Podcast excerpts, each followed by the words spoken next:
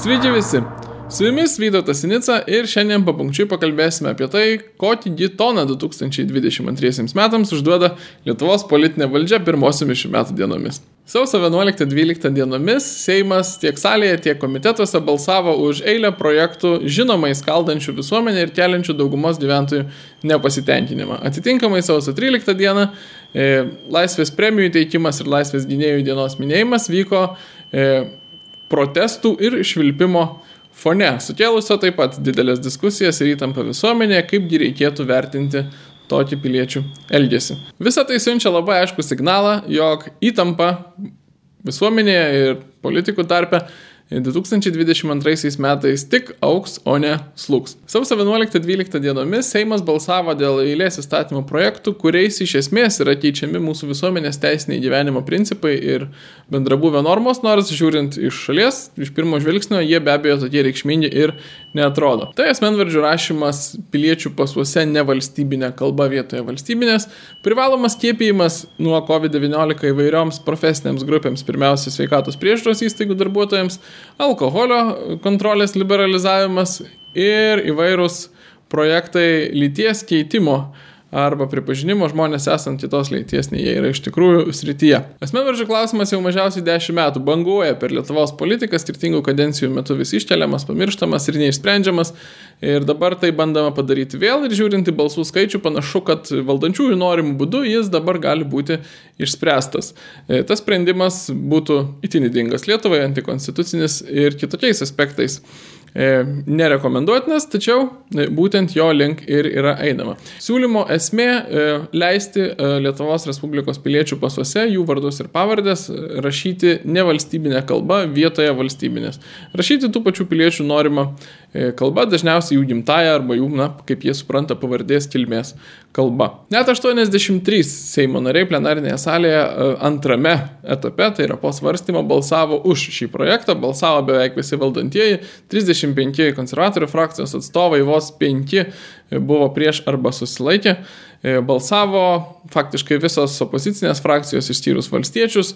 E, gana svarbu pabrėžti, jog užbalsavo ir dauguma skvernelio frakcijos atstovų, skaitant patys skvernelį. Kodėl tai svarbu? Todėl, kad jis garsiai skelbėsi, jog busimojo kuriama partija yra tautinių vertybių, tautinės pakraipos partija. Matome, kad akivaizdžiai taip nėra. Šiam siūlymui labai priešinosi e, laisvės kovotojų, rezistentų, iš esmės valstybės kuriejų organizacijos. Pastarosiamis dienomis e, raštus Seimo nariams ir visuomenė ir prezidentui rašė Lietuvos laisvės kovotojų sąjunga įvairūs sąjūdžio skyriai, kitos organizacijos, kalbininkai, e, visą tai nepadėjo. Jeigu mes pažiūrėtume ilgesnę perspektyvą, dešimtmečio bėdį, analogiškus raštus prašančius, reikalaujančius nepriimti tokio projekto, rašė signatarai, berots 45 signatarų buvo parašai, kovo 11 signatarų be abejo turiu galvoje, e, sąjūdžio iniciatyvinės grupės klubas, įvairios kariuomenės kuriejų savanorių organizacijos, rezistentai neasocijuoti į jokią vieną organizaciją, kronikos leidėjai,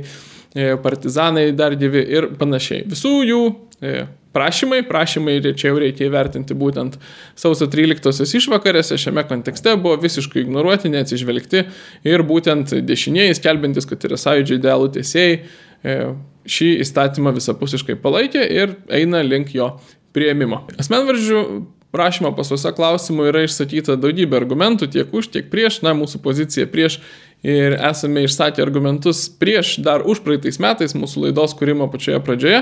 E, galite susirasti tam specialiai skirtą epizodą. Norisi paliesti porą dalykų, kuo naujai, tiesą sakant, šiuo metu meluoja valdantieji, e, bandydami prastumti šį projektą. Ir tai yra du esminiai melai. Vienas melas yra, kad neva projektas nėra antikonstitucinis, konstitucijai neprieštarauja, o taip teigiantis vos neišsigalvoja, savo prisiskiria teisę interpretuoti konstituciją.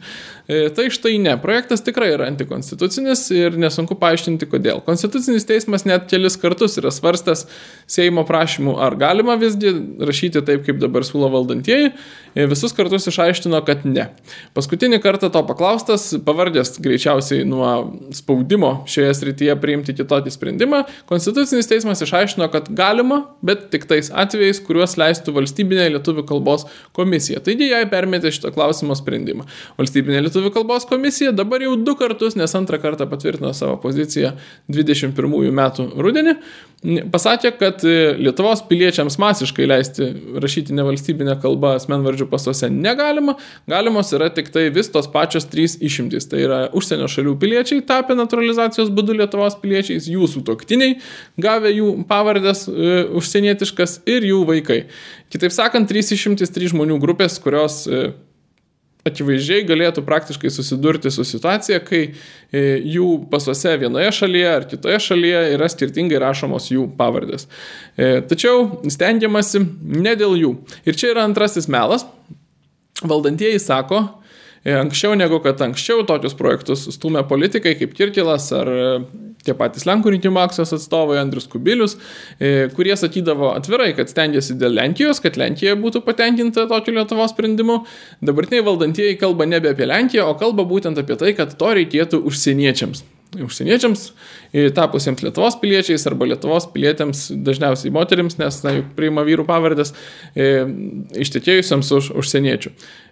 Tačiau taip nėra, todėl kad būtent užsispyrusiai valdantieji teikia e, projektus, kurie apimtų daug plačiau negu kad tik šitas valstybinės kalbos komisijos leistas išimtis. Jie siūlo tokį reglamentavimą, kuris leistų ir visiems 200 tūkstančių Lietuvos lenkakalbių naudotis e, tą galimybę rašyti, na, iš esmės suprantame lenkų kalbą vietoje lietuvių kalbos savo e, kaip Lietuvos piliečių pasuose. Ir tai yra antikonstituciška ir tai svarbiausia e, visiškai prieštarauja argumentams ir deklaruojamiems motyvams, kuriuos išsako valdantieji, ypač Laisvės, frakcijos, Laisvės partijos frakcijos atstovai.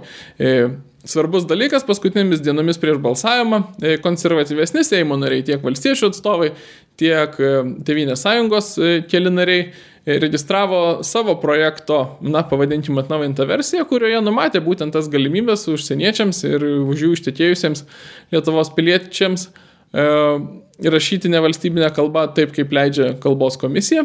E, tačiau valdantieji, dauguma valdančiųjų ir taip pat opozicijos atstovai ignoravo šitos siūlymus, juos atmetė, jie laikosi prie projekto, kuris įgalintų masinį šimtų tūkstančių Lietuvos piliečių pereimą prie naujosios tvarkos. Taigi akivaizdu du dalykai. Yra meluojama, kad e, projektas ne antikonstitucinis, jis yra antikonstitucinis, meluojama, kad projektas yra skirtas e, pilietybę gavusiems užsieniečiams ir jų šeimų nariams. Jis skirtas ne tik jiems, jis skirtas pirmiausia Lietuvos lenkakalbė. Kitas visuomenės aistras ir ko gero didesnės visuomenės aistras šiandien kelintis projektas e, buvo Seimo pasirežimas įteisinti privalomą skiepijimą konkrečioms profesinėms grupėms. E, e, tai būtų sveikatos priežiūros įstaigų darbuotojai ir socialiniai darbuotojai. Nors ir taip itin kontroversiškas dabartinėme kontekste toks sprendimas apskritai neturi jokio loginio pagrindo. Pats sveikatos apsaugos ministras Arūnas Dulkys metų pradžioje viešai pasakė, kad naujoji įsivyravusi virš 90 procentų atvejų e, Lietuvoje sudaranti omikron atmaina nesukelia faktiškai hospitalizacijų, beveik nėra žmonių, kurie e, patirtų įtin sunkes e, lygos formas, nėra mirčių Lietuvoje nuo omikron atmainos. Tai yra itin lengva, bet itin lengva ir plintanti atmaina, kuri vėl ministro žodžiai ne mano, užkrečia tiek skiepytus, tiek neskiepytus. Ministras vis tiek sako, kad reikia skiepytis, bet bet kuriuo atveju visiškai neaišku, kodėl būtent tai yra reikalinga e, paversti privalomą tvarką, kas yra vis tiek ir net ir valdantieji supranta kraštutinė priemonė spręsti skiepijimosi klausimą. Labai reta valstybė tam ryštasi. Ne vienas specialistas pasaulyje šiandien sako, kad atsižvelgiant būtent į viso mikrono specifiką, į tai, kaip jis sklinda tiek per skiepytus, tiek neskiepytus, norint valdyti lygos sklaidą tose vietose ir tose profesinėse grupėse, kurios turi itin daug, daug kontaktų - medicinos, slaugos, socialiniams darbuotojams, mokytojams, kurie taip pat yra šios diskusijos objektas, e, daug tikslingiau yra nuolatinis testavimas negu privalomas skiepijimas. Tačiau valdantieji kol kas eina tą linkmę, balsavo už šitą projektą. E, pirmoje stadijoje, po to balsavo už jį vien valdančiųjų balsais, e, taip pat ir socdemų palaikymu sveikatos apsaugos sveikatos reikalų komitete ir, na, šis projektas dar nepriimtas, bet skinasi kelią. Salėje jisai surinko 70 balsų, pagrindę valdančiųjų balsų, bet galima atkreipti dėmesį, kad čia vėl taip pat ir Sauliaus Kvernelio palaikantis balsas. Prieimus tokį reguliavimą iš esmės būtų baudžiami dar prieš metus herojais, kovotojais už visą visuomenę vadinti medikai, nes, kaip paskelbta oficialioje statistikoje, 50 procentų šalies sveikatos įstaigų darbuotojų e, nusprendė nesiskiepyti stiprinančiąją dozę, kaip vėliau patikslino statistikos departamentas, dauguma iš tų pusės nesiskiepijančių to nedaro, nes yra persirgę ir turi daug antikūnių, apie tai daug taip pat visuomenė e, kalbėta, tačiau faktas, kad yra didžiulė dalis medikų, kurie neina su e, keista valdančiųjų politika spaudžiančia visuomenę skiepytis trečiąją dozę. Ir, na, būtent juos dabar nukreipiamas didžiausias spaudimas, spaudimas teisės aktais prievarta rinktis kelią, kurį diktuoja vyriausybė. Pradžioje sakyta, kad šiandien aptariami įstatymų projektai iš esmės keistų e, teisinius principus, kuriais remiasi ir kuriais vadovaujasi mūsų visuomenė. Ir čia vienas pavyzdžių, kodėl. Iš pažiūros atrodo, kad tai tiesiog pandemijos valdymo klausimas, turiu galvoje privalomą medikų skiepijimą. E, tačiau yra ne tik tai. Prie mūsų vieną kartą prie mūsų galimybę įteisinti e, privalomą skiepijimą tik COVID pandemijos kontekste būtų pakeistas pats principas. Lietuvoje atsirastų toks dalykas kaip privalomas skiepimas, kas iš esmės reikštų pamintą pamatinį medicinos principą galiojantį šiandien Lietuvoje ir daugelį pasaulio šalių, tai yra informuoto ir laisvo paciento sutikimo principą vietoj jo būtų įvestas principas, kad valstybė gali pati spręsti, kokios medicinės intervencijos yra reikalingos ir proporcingos. COVID pandemija praeina ir tikrai praeis, tačiau naujas principas įtvirtintas liks ir galės turėti pasiekmių ir kitoms e, medicinos sritims. Pristatant šitą klausimą Seime, sveikatos apsaugos ministerijos atstovai e, jau ir garsiai pasakė, tiesa paklausti Seimo narių pasakė, kad na taip galėsime svarstyti tą patį principą taikyti ir kitų e, vakcinų atveju. Likšalinė diskusija šią temą vyksta tarytum kaip apie techninį klausimą ir apimtis, tai yra kokias grupės verta skiepyti, reikia įtraukti mokytojus ar nereikia, ar užtenka medikų, ar e, na, panašiai. Tačiau ji visiškai nėra svarstoma viešumoje kaip principinis klausimas apie bioetikos pagrindus, kuriais vadovaujasi Lietuvos valstybė. Kartą padarius šitą pokytį grįžti bus sudėtinga. Dar vienas rytis, kurioje, kurioje reiškėsi Lietuvoje vertybiniai karai, faktiškai sritis pagimdžiusi prieš metus e, šeimų maršą ir didelį judėjimą už, kaip plačiai vadinama, tradicinę, nors tiksliau būtų sakyti, prigimtinę šeimą, yra lyties keitimo, translitiškumo klausimai. Ir čia du e, manevrus sugalvojo valdantieji. Praėjusią vasarą rūpjūtį sveikatos apsaugos ministras Arūnas Dulkys teikė, e, registravo aprašą, berots toks tikslus buvo teisės akto žanras, E, kuriuo būtų įteisinęs e, lyties keitimą hormoninę e, terapiją. Tas projektas kol kas nebuvo įgyvendintas, pasirašytas ir įsigaliojęs, bet dabar sugalvota naujų dalykų.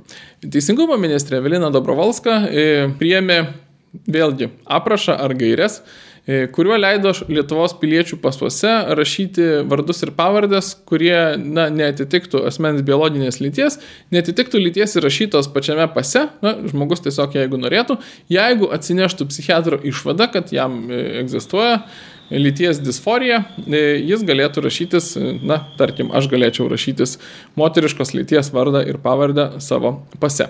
Tai yra toks, pavadinkim, nuosaikus, iš pažiūros mažesnis žingsnis, tai vietoj to, kad būtų tiesiog pripažįstamas lyties keitimas, yra pripažįstama galimybė užsirašyti vardą pavardę netitinkantį žmogaus lyties, vadinasi, netitinkantį tikrovės. Žinoma, tai yra tik tai bandymas atverti duris didesniems pokyčiams, niekas translitiškumo normalizavimo judėjime nepasirašytų ties tuo, jog gana tik tai rašyti vardus ir pavardės pagal norimą lytį, tikslai išlieka tie patys, leisti lyties keitimą kabutėse dokumentuose, taip pat ir medicamentinį bei chirurginį, tai yra fizinį e, lyties keitimą. Lyties keitimas be abejo kabutėse, todėl kad tai yra iš principo neįmanoma. Žmogaus lytis yra numatyta jo chromosomose ir to pasirinkti, pakeisti tiek dokumentais, tiek ir kokioms nors e, medicinėmis intervencijomis neįmanoma. E, atkreipiu dėmesį, kad kaip buvo švilpiama per laisvės gynėjų dieną taip šiandien švilpia vėjas mūsų studijoje ir nieko mes dėl to padaryti negalime. Sugalvotas ir dar vienas būdas per aplinkui mažų žingsnelių e, normalizuoti translitiškumą Lietuvos teisinėje sistemoje. Labai subtilus. Praėjusią savaitę e, Seimo žmogaus teisų komitete buvo pritarta siūlymui į apsaugos nuo smurto artimoje aplinkoje įstatymą įtraukti smurto dėl lyties savoką. E, tai dviejopai problemiškas ir, tai gana svarbu, Stambulo konvencijos normas per aplinkui, pro langą e, į Lietuvos teisinę sistemą perkelintis ėjimas, pavadinkime taip. E, kodėl Stambulo konvencija? Todėl, kad tai yra vienas iš Stambulo konvencijos principų, jog e, smurtas artimoje aplinkoje, dažniausiai prieš moteris, vyksta dėl lyties. Tai yra, jog prieš moteris smurtaujama ne dėl kokių kitų priežasčių, o dėl to, kad jos moteris. Tai yra be galo ideologizuota ir neišvengiamai lytis supriešinanti vieną prieš kitą nuteikianti nuostata, e, kuri, jeigu ją vadovaujamės, užprogramuoja ir atitinkamai labai keistus ir įdingus smurto artimoje aplinkoje sprendimo būdus. Nors egzistuoja labai aiškios smurto artimoje aplinkoje priežastys, kurių viršūnėje yra e, alkoholis, socialinių įgūdžių trūkumas ir panašus dalykai, e, čia gi siūloma mąstyti, kad e, lyčių santykiuose yra užprogramuota ši problema. Taigi taip Stambulo konvencija keliauja į Lietuvos teisės aktus per aplinkui. E, tačiau kartu tai yra ir su translitiškumu susijusi norma, nes pristatinėjant šitą naujovę buvo gan aiškiai įvardyta, kad smurtas dėl lyties apima ne tik vyrų ir moterių santykius, apima požiūrį, kad egzistuoja kiek nori lyčių ir nebūtinai turi sutapti biologinė ir e, socialinė lytis, todėl smurtas dėl lyties praktikoje reikštų ir, tarkim, žmogų, nepripažinimą žmogui buvimo tą lytimi, kurią jis nori jaustis. Tai yra, pavyzdžiui, manęs nepripažinimas moterimi arba manęs nepripažinimas tuo, jog aš neva esu nei vyras, nei moteris. Arba vyras vieną dieną ir moteris kitą dieną. To nepripažinimas būtų smurtas dėl lyties mano atžvilgiu. E, šitokia translytiškumo logika e, ateina į Lietuvos teisės aktus, be abejo, dėl to dar likia pora balsavimų. Taigi visų šių projektų fone ir Seimo balsavimų tiek komitetuose, tiek plenariniai salėje fone vyksta nauji protestai visuomenėje, protestai gaunantis drastiškas formas, dėl kurių kyla papildomos diskusijos ir susipriešinimas visuomenėje ir klausimas, kasgi atsakinga šioje situacijoje dėl tos augančios įtampos. O atsakinga be abejonės valdžia, ne visuomenė. Todėl, kad visuomenė visada tik reaguoja į valdžios veiksmus, pati nekuria konfliktų, e, kuriuos spręstų valdžia, visuomenė eina paskui. E, valdžios sprendimus, tiek kiek ji dalyvauja politikoje. Protestuoja prieš Seimo sprendimus tik maža visuomenės dalis, tačiau apklausos aiškiai rodo, kad nepritarė vyriausybės darbui absoliuti dauguma gyventojų ir tų nepatenkintųjų yra iš tiesų daug ir jų negalima ignoruoti. Tačiau daroma viskas, kad visuomenė pyktų ir pyktų kuo labiau. Ir čia galima atkreipti dėmesį ir į profesoriaus Vytauto Landsbergio žodžius pasakytus po laisvės dienos minėjimo. Visko iš eilės nepacituosiu, tačiau protestavusieji, išvilpusieji per laisvės minėjimo renginį e, buvo pavadinti jedinstvo, pavadinti pamišeliais, pavadinti ne Lietuvos žmonėmis e, pavadinti fašistais, kas ironiškai koreliuoja su tuo, kaip sąjūdį vadino sovietų valdžia ir propaganda. Vytauto Landsbergio žodžiais nereiktų kreipti dėmesį į nepatenkintos visuomenės dalies elgesį, o eiti savojų keliu. Kaip kad ir į Jedinstvo protestus nebuvo kreipiamas dėmesys. Ir čia sunku neprisiminti prieš kelis dešimtmečius Vytauto Landsbergio kalbėjimo apie šunaujas ir to, kaip šunys loja, o karavanas eina. Šitas tonas e, koreliuoja labai stipriai su premjerės Ingrido Šimonytės žodžiais, tiesa daug, e, pavadinkim, kultūringesniais žodžiais e, apie tai, kad tie, kas nepatenkinti, gali sulaukti kitų rinkimų ir juose išsirinkti kitą valdžią. Tuo tarpu su visuomenė dabar jokio dialogo nebus. To dialogo ir nėra. Seimas eina sakyčiau, radikalizacijos keliu, e, priminėdamas vis labiau kiršinančius projektus ir po to be pagrindo stebėdamasis, kodėl visuomenė protestuoja. Apibendrinkime. Seimas 2022 metus pradėjo e, protestoje Seimo sesijoje priminėdamas įstatymus, kurie politikams gerai žinomai e, itin priešina Lietuvos visuomenę. Tai tiek kalbos politikos, tiek pandemijos valdymo klausimais, tiek ir šeimos, litiškumo klausimais, principinius dalykus keičiantys e, projektai. Neįmanoma buvo tikėtis, kad visuomenė dėl to pasipriešinimas neauks. Priešingai, žiūrint į valdančiųjų retoriką ir elgesį, galima tikėtis, kad 22 metai ir ypač pavasario sesija bus tas laikas, kai bus bandoma visus tokius, e, žinomai visuomenė kiršinančius e, projektus priimti, nes, na, kuo arčiau rinkimai, tuo sunkiau išskyrus gal laisvės partijai daryti tokius sprendimus, bus bijoma e, ypač Tevinės sąjungos, pavadinkim taip, konformizmo artėjant rinkimams ir šitie radikalūs projektai bus stumiami kaip tik dabar. Nėra pagrindo tikėtis, kad visuomenė užsimerks ir jais džiaugsis. Todėl tonas užduotas 2022 metams Seime yra būtent tolesnės eskalacijos, susipriešinimo ir susiskaldimo tonas. Labai gaila, kad taip yra, tačiau niekaip kitaip šios situacijos matyti bent man neišeina. Ačiū, kad žiūrėjote šį epizodą, ačiū, kad sekat mus, prenumeruojat, remet ir esat su mumis kitais būdais. E, kas dar to nepadarėt, prenumeruokite e, mūsų kanalą YouTube platformoje ir remkite mus Patreon platformoje. Aprašymas, kaip tą padaryti, yra po šiuo video. Sudėjau.